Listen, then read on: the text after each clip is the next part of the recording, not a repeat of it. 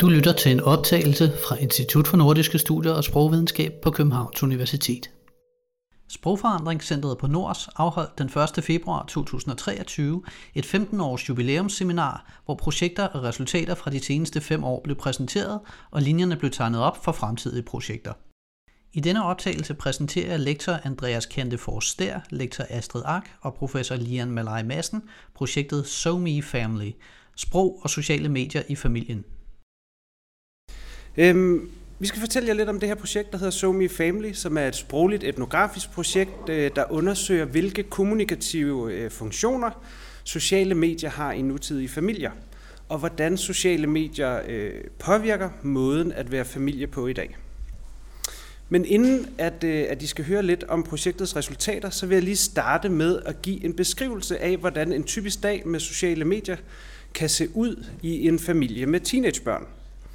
Øh, og beskrivelsen den bygger, som I kan se her, øh, på forskellige online og offline etnografiske observationer og data indsamlet blandt de unge og de unges familier. Så vi ved, at en almindelig dag øh, for en typisk dansk øh, gymnasieelev og hendes forældre involverer digital øh, kommunikation ved brug af en bred vifte af forskellige sociale medier – en typisk dag øh, begynder ofte med, at vores øh, gymnasieelev bliver vækket af alarmen på sin telefon, som ligger øh, lige ved siden af, af sengen, der hvor hun øh, lagde den, øh, inden hun gik i seng og faldt i søvn aftenen før. Derefter så skal der svares på beskeder øh, fra venner og fra veninder, og det sker typisk på øh, Snapchat og på Messenger. Mens hun ligger derinde på værelset, er det ikke unormalt, at hendes far eller mor vælger at skrive en sms til hende for at fortælle, at der er morgenmad. Og de bruger faktisk ofte sms'en i stedet for enten at råbe ned fra køkkenet, eller stikke hovedet ind ad døren øh, og levere beskeden ansigt til ansigt. Fordi det er bare nemmere øh, og mere effektivt, som hendes mor siger, bare lige at skrive en besked, end at råbe igennem hele huset. På vej til skole, der er det ret sandsynligt, at hun sender en række Snapchat-beskeder i klassens øh, fælles øh, Snapchat-gruppe, hvor hun så at sige dokumenterer sin tur til skole skridt for skridt. Det kan være ret hyggeligt, men det kan også være ret praktisk, hvis man er ved at komme for sent i skole og gerne vil fortælle det til sine klassekammerater, så man måske ikke får fravær, når man kommer. Hen på gymnasiet, der vil interaktionen i øh, Snapchat og Messenger-gruppen fortsætte, også i timerne – og det selvom, at eleverne de ofte bliver bedt om at lægge telefonerne væk, når timen starter. Men som I kan se heroppe på billedet, så er det faktisk ret nemt at skjule telefonen for læreren ved at gemme den lille skærm bag den store skærm, som jo faktisk godt må være fremme i timerne. Andre gange er det faktisk helt okay at have telefonen fremme, eksempelvis hvis man skal filme de øh, instruktioner, der bliver givet til et fysikforsøg.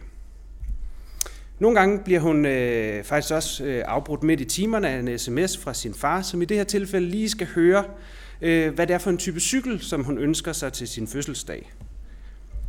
Selv så venter hun ofte til, øh, til pausen med at skrive sms'er. Her får øh, mormor lige en sms for at sige øh, tak for julegaven.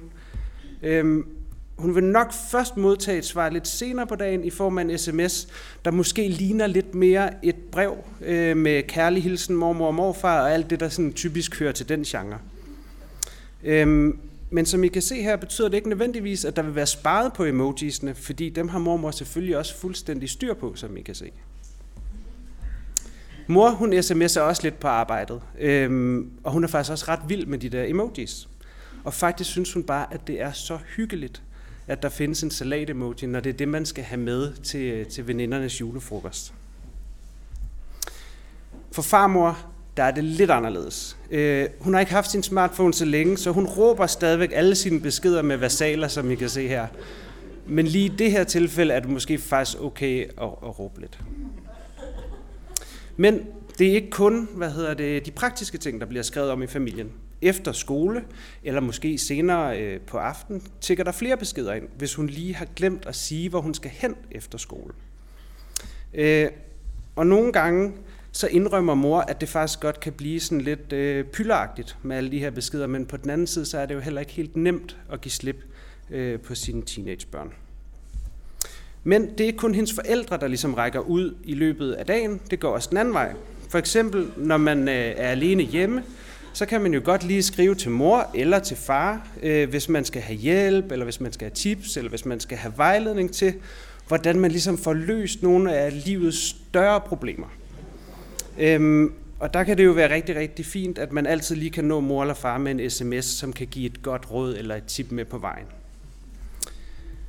Øhm, ved aftensmaden, der er der ingen, eller det vil sige næsten ingen, øh, telefoner ved bordet. Og det er helt naturligt, og det er en helt indforstået regel, som hun tager som en selvfølge.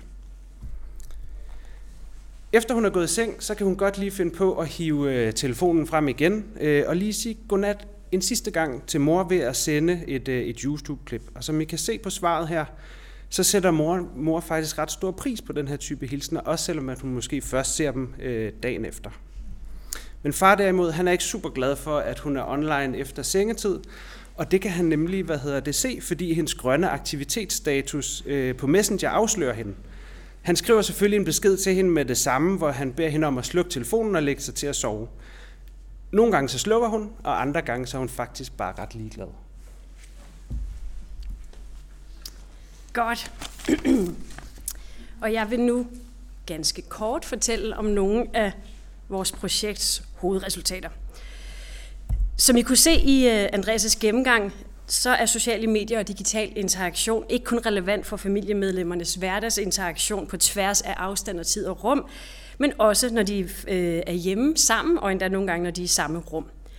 Derfor kan man sige, at øh, smartphones har introduceret et nyt sæt af sproglige og semiotiske ressourcer, der mere eller mindre strategisk kan bruges i moderne, øh, kan blive bragt i spil i moderne familiers hverdagsinteraktioner. Fra gennemgangen der kunne I også se, hvordan de unge og deres forældre orienterer sig mod forskellige normer for sprogbrug i deres online interaktioner på især sms og messenger. Mens de unge har en præference for øh, et højt kommunikativt flow, og det er noget, de selv forbinder med det at have en normal samtale, så har forældrene en præference for at pro- øh, producere længere og mere sammenhængende, som de selv kalder det, beskeder. Øh, øh, ja, sammenhængende beskedtur. I praksis afspejler det sig blandt andet i en sproglig stil hos de unge, hvor de bruger færre emojis end forældregenerationen, og hvor de bruger mindre tid på at sådan korrekturlæse deres beskeder. Øh, og begge dele er noget, de unge gør, eller, eller gør mindre af, netop for at kunne skrive og svare hurtigt. Overordnet så viser det os, for det første, at der er sket en pluralisering øh, af normer i nogle online kontekster, hvor det i højere grad accepteres, at man afviger fra standardortografien. Og for det andet, så viser det også, at forældregenerationen, som i vores projekt er mellem 33 og 56 år, ikke bare har taget sociale medier til sig, men også er digitale sprogbrugere med deres egne specifikke og genkendelige sproglige stile. Når vi så zoomer lidt ud og kigger på indholdet af, hvad det så er, de unge og deres forældre skriver med hinanden om, så ser vi, at familiesocialiseringspraksiser, som normalt har været at finde inden for hjemmets fire vægge, nu er udvidet til også at kunne foregå, mens familiemedlemmerne er væk fra hinanden. Problematikker som for eksempel, hvornår man skal skifte øh, øh, sengetøj, eller hvornår det er på tide at komme hjem fra en fast, beskeden sendt klokken halv to derovre, som I kan se, fra far til søn, øh, de kan nu foregå, selvom familiemedlemmerne ikke er sammen. Og ligesom det generelt er set i studier af familiesocialiseringspraksiser, så finder vi, at de her tekstbeskeder både element, øh, indeholder elementer af, af kontrol og af omsorg. Overordnet så ser det øh, så ser mulighederne, som smartphones øh, tilbyder, ud til at bidrage til en generel udvikling, hvor forældre er mere involveret i deres børns hverdagsliv, end de har været tidligere.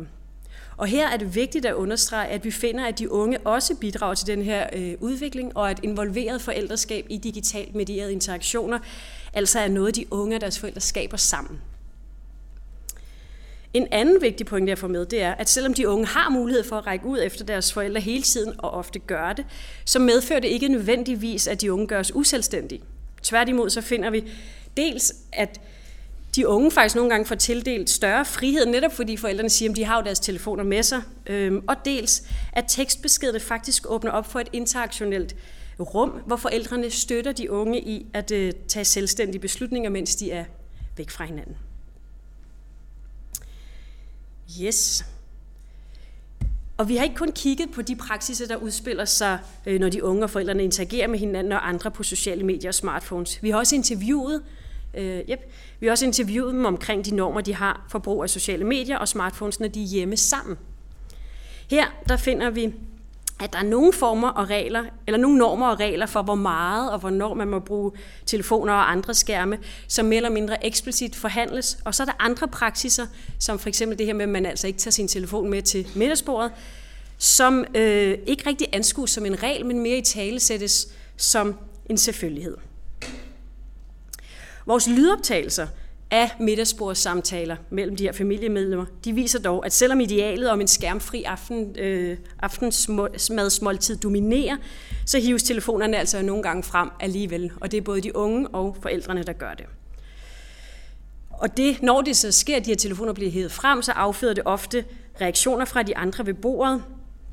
Øhm, og vi finder, at familiemedlemmerne løbende diskuterer og reflekterer over, hvilken rolle telefonerne skal have i deres familie, og at de her diskussioner og refleksioner ofte sker med udgangspunkt i værdier omkring det gode familieliv, hvor samhørighed og nærvær prioriteres.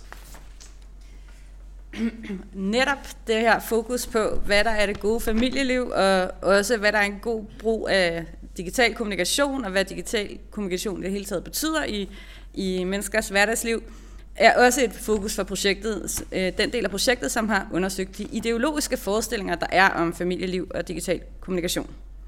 Øhm, offentlige debatter, øhm, der knytter sig til sådan teknologisk udvikling og indflydelsen af en gældende tids nye medier, er ifølge Kirsten Drottner tit opdelt i sådan nogle ideologisk polariserede, medieoptimistiske og mediepessimistiske diskurser. Og det gælder også øh, den debatten i den danske kontekst øh, om sociale medier og hvordan de påvirker os som mennesker. Og her er tendensen i den offentlige debat en pessimistisk diskurs, der også har grund i en, et sundhedsfagligt perspektiv, øh, og er meget bekymret over, øh, hvordan et, et brugen af digitale medier og smartphone er en sundhedsrisiko på linje med rygning, overforbrug af alkohol, forkert kost og manglende motion og alle de her øh, andre trusler mod vores øh, helbred. Øh, bekymring er, at i livet med smartphones, så er det ikke længere øh, mennesket, der styrer teknologien, men teknologien, der styrer mennesket, fordi vi bliver afhængige af digital kommunikation, og det medfører en bekymrende belastning for vores hjerne og er en trussel mod vores sundhed og trivsel. Øh, I vores undersøgelser af her i familierne, så øh, kan vi også godt se, at sådan et syn på sociale medier spiller en rolle, også øh, både i idealet, at man skal ikke have telefoner ved middagsbordet, men også i det hele taget, at man ikke må blive for afhængig, og det er godt at kunne have kontrol. Øh, og det kommer for eksempel til udtryk, øh, når deltagerne siger i interview, at de har læst om, hvordan telefonbrug aktiverer dopamin, at de ikke vil miste kontrollen, at deres hjerne bliver overstimuleret, eller at de øh, oplever fantomlomme vibrationer, selvom deres telefon hverken vibrerer eller ringer. Øhm, problemet med sådan et syn er, at det, det fremstilles med en autoritet, som man øh, knytter til sundhedsfaglige øh, perspektiver, om at det er objektivt og øh, neutralt, men det er helt klart også bygger på bestemte ideologier. Øh, det er også øh, noget, man kan udfordre, at mennesker betragtes som passive ofre for teknologiens negative konsekvenser. Øh, at der ikke skældnes mellem teknologisk udstyr, forskellige medier, forskellige brug af medier. Ligesom vi har set i undersøgelsen, der er mange, mange forskellige måder at bruge medier på, der indgår i sådan en hverdag. Øh, og det tjener en hel masse forskellige formål. Og så er der også det her med, at den digitale verden og den virkelige verden ses som to adskilte og adskillige domæner. Og vi har set, hvordan de er meget integreret i alle vores undersøgelser. Så nogle af de centrale overordnede konklusioner for de forskellige øh, delundersøgelser. Øhm, og jeg har fået en kort øh, smagsprøve på her. Det er, at de, øh, vi, vi nuancerer i høj grad de her forestillinger om øh, den trussel, som digital afhængighed eller skærmtid øh, er i øh, menneskers liv i dag. Og øh, det vi viser, altså grund, det vi gør det på, det grundlag vi gør det på, er, at vi viser, hvordan at, øh, de teenager, vi har undersøgt, og deres forældre, ikke bare er passive ofre for teknologien, men de derimod er refleksive sprog- og mediebrugere, og de forhandler både normer for digital øh, sprogbrug og modalitetsvalg, øh, de etiske aspekter forbundet med digital monitorering, privatliv, forældreevaluering er også noget, de reflekterer over, ligesom reglerne for, hvornår man bruger smartphones og hvordan man opfører sig i digitalt i det sociale liv, både i og uden for familien. Det var det.